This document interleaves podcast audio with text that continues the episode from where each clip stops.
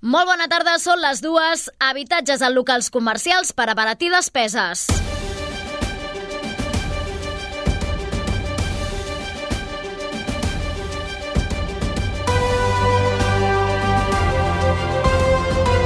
Notícies migdia. Núria Garcia. Segons l'equip 2015, projectes i gestió integrat per professionals de la construcció i de l'àmbit legal, entre 8.000 i 10.000 sabadellencs viuen en aquests habitacles, que en molts casos no compten amb una cèdula d'habitabilitat. Un dels integrants del grup, José María Cordec, ha instat l'administració local a estar amatent aquesta realitat. Ho ha dit avui en declaracions al Cafè de la Ràdio. I ara es promou que en les municipals els equips eh, nous es donin compte d'una realitat. Locals tancats, ocupats i persones que necessiten aquests locals pel seu cost, per les seves facilitats d'accés, perquè són locals entre 40 i 90 metres quadrats amb preu assequible. Cordec reclama que es posi fil a l'agulla per regularitzar aquests habitatges. I a banda d'aquest tema, avui també us parlarem del Dia Mundial del Càncer Infantil, del nou saló dedicat a la formació professional SBD Fira Pro o l'estrena de l'òpera Madama Butterfly de Puccini. Tot amb l'ajuda del Toni González a les vies de so. Notícies migdia. La informació en 15 minuts. Els serveis.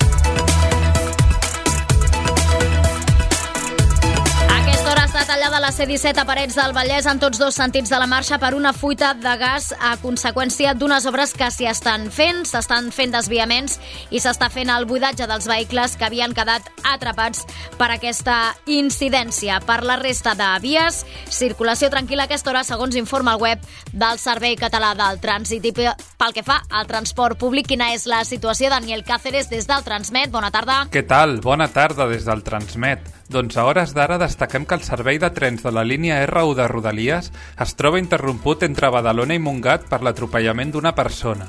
Pel que fa a la resta de la xarxa de transport públic de l'àrea de Barcelona, podem parlar de normalitat i no hi destaquen més alteracions significatives. De moment, això és tot des del Transmet. Bona tarda. La notícia del dia. 10.000 sabadellencs viuen en locals comercials. Segons els càlculs de l'equip de professionals 2015 Projectes i Gestió, aquests ciutadans han fet el salt per reconvertir els establiments tancats en habitatges davant de les dificultats per accedir a un immoble arreglat. El problema, però, és que en la majoria dels casos no han pogut regularitzar la seva situació perquè han topat amb la negativa de l'Ajuntament. Karen Madrid, bona tarda. Bona tarda. Des de 2015, Projectes i Gestió demanen als ajuntaments catalans que posin facilitats per regularitzar una situació que ja s'està donant per l'elevat preu dels lloguers i les hipoteques. Un dels integrants del grup, l'administrador de finques Josep Maria Cordec, lamenta que sense una acceptació de les llicències d'obres o una aprovació dels canvis d'usos, els residents en aquests locals veuen minvats els seus drets. Són declaracions al Cafè de la Ràdio. Aquestes persones, precisament per la negativa dels ajuntaments i de la Generalitat que no faciliten, eh, tenen mancades alguns drets importants de l'habitatge. És a dir, estem parlant, paguen la llum més cara, paguen a l'aigua més car, eh, no tenen facilitats per eh, crèdits eh, hipotecaris, que només arriben al 50% al local. És a dir, estan visquent d'una manera que eh, els hi manquen molts drets. Cordec assegura que, malgrat les dificultats burocràtiques, convertir un local comercial en habitatge és notablement més barat que comprar un immoble convencional. Estem parlant de que un local eh, pot ser eh, 60-70 mil euros, més les obres que es fan, 20-30 mil euros, estem parlant d'un habitatge entre 110, 120, 130 euros. Això és impossible amb una obra nova. Això és impossible. I els ajuntaments tindrien que afavorir precisament aquesta reconversió de locals a habitatges. Des de 2015, Projectes i Gestió assenyalen que els immobles susceptibles de regularitzar haurien de complir diferents requisits, com comptar amb llum natural i ventilació, a més d'estar allunyats d'eixos comercials. Tota la informació a Ràdio Sabadell.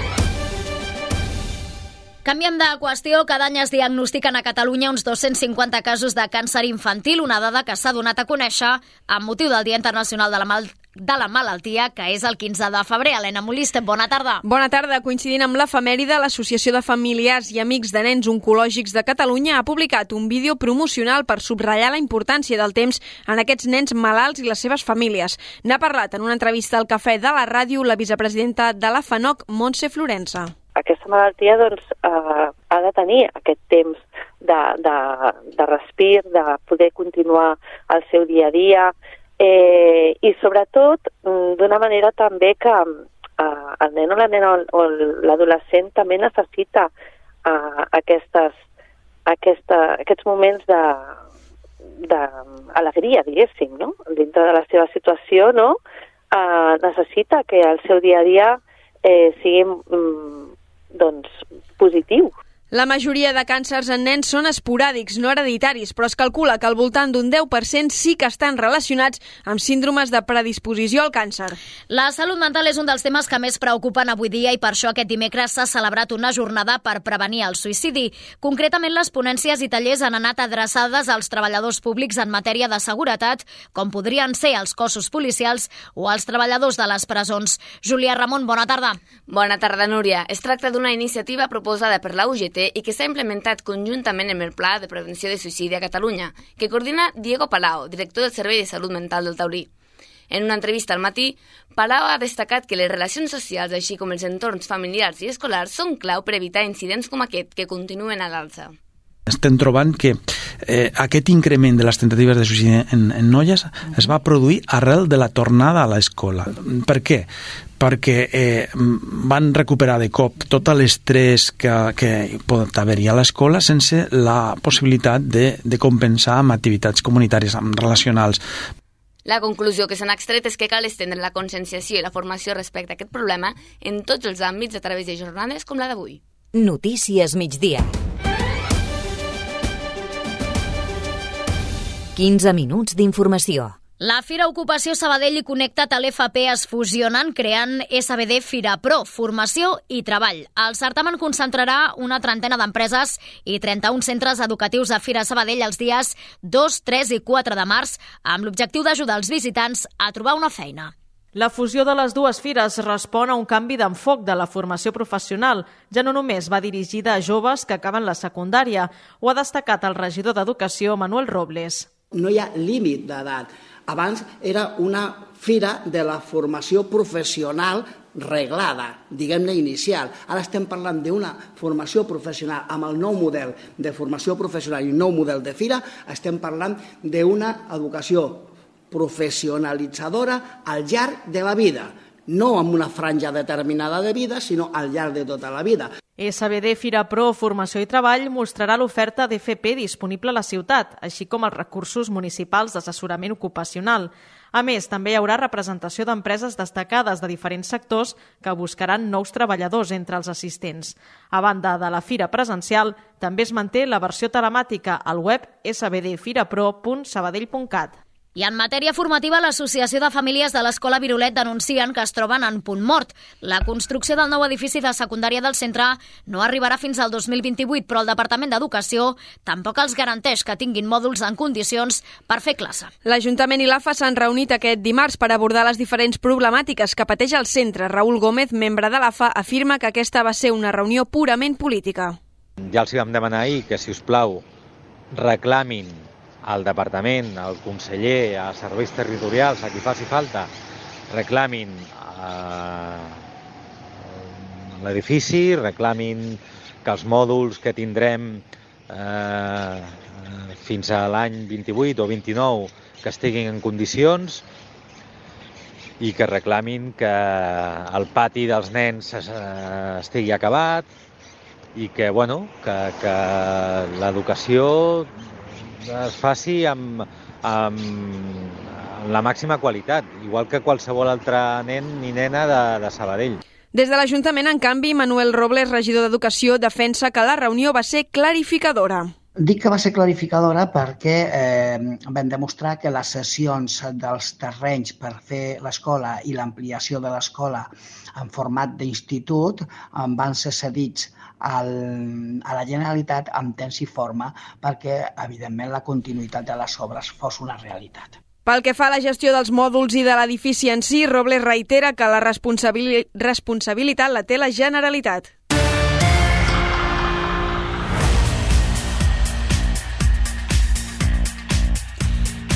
Altres notícies fora de Sabadell. Els preus han repuntat una dècima al gener a Catalunya i han quedat situats al 5,3%. L'IPC ha tornat a pujar lleugerament després de 5 mesos consecutius de caigudes, segons ha informat l'Institut Nacional d'Estadística. L'augment de la inflació ha arribat en el primer mes en vigor de la rebaixa de l'IVA dels aliments bàsics i ha coincidit també amb la retirada dels descomptes als carburants. Per contra, els aliments sí que han moderat el preu respecte del desembre, dues dècimes, però continuen disparats respecte de fa un any. La inflació subjacent, per tant, queda situada al 13,2%. Al conjunt de l'estat, la variació anual de l'IPC s'ha situat en el 5,9%, dues dècimes més que al desembre i una dècima per sobre de l'indicador avançat. I ja es pot demanar l'ajuda de 200 euros per a famílies vulnerables del govern espanyol. Les peticions s'hauran de tramitar des del web de l'agència tributària i l'ajuda estarà disponible fins al 31 de març. Els farà en un pagament únic, segons el govern espanyol, amb aquesta ajuda, que arribarà a 4,2 milions de llars, es reduiran situacions de vulnerabilitat activitat econòmica que no estan cobertes per altres peticions socials. La primera ministra d'Escòcia, Nicola Sturgeon, anuncia la seva dimissió, tal com ha avançat avui la BBC. La líder del Partit Nacional Escocès ha ocupat durant més de 8 anys el càrrec de primera ministra després que el 2014 prengués el relleu d'Alex Salmond després del referèndum sobre la independència. La dimissió de Sturgeon no serà immediata, sinó que donarà un temps per elegir el successor. Detingut un professor d'una escola d'actors de Reus acusat presumptament d'un delicte d'abús i assetjament sexual. Hi hauria una vintena de víctimes, totes elles menors que haurien patit tocaments i rebut comentaris per part del treballador durant l'any passat. Segons fonts properes a la investigació, l'home no hauria comès agressions amb penetracions. L'arrestat passarà a disposició judicial en les pròximes hores. Cultura. Entrades pràcticament exaurides per les 14 funcions de l'òpera Madama Butterfly de Giacomo Puccini, que girarà per tot el país de la mà de la Fundació Òpera Catalunya.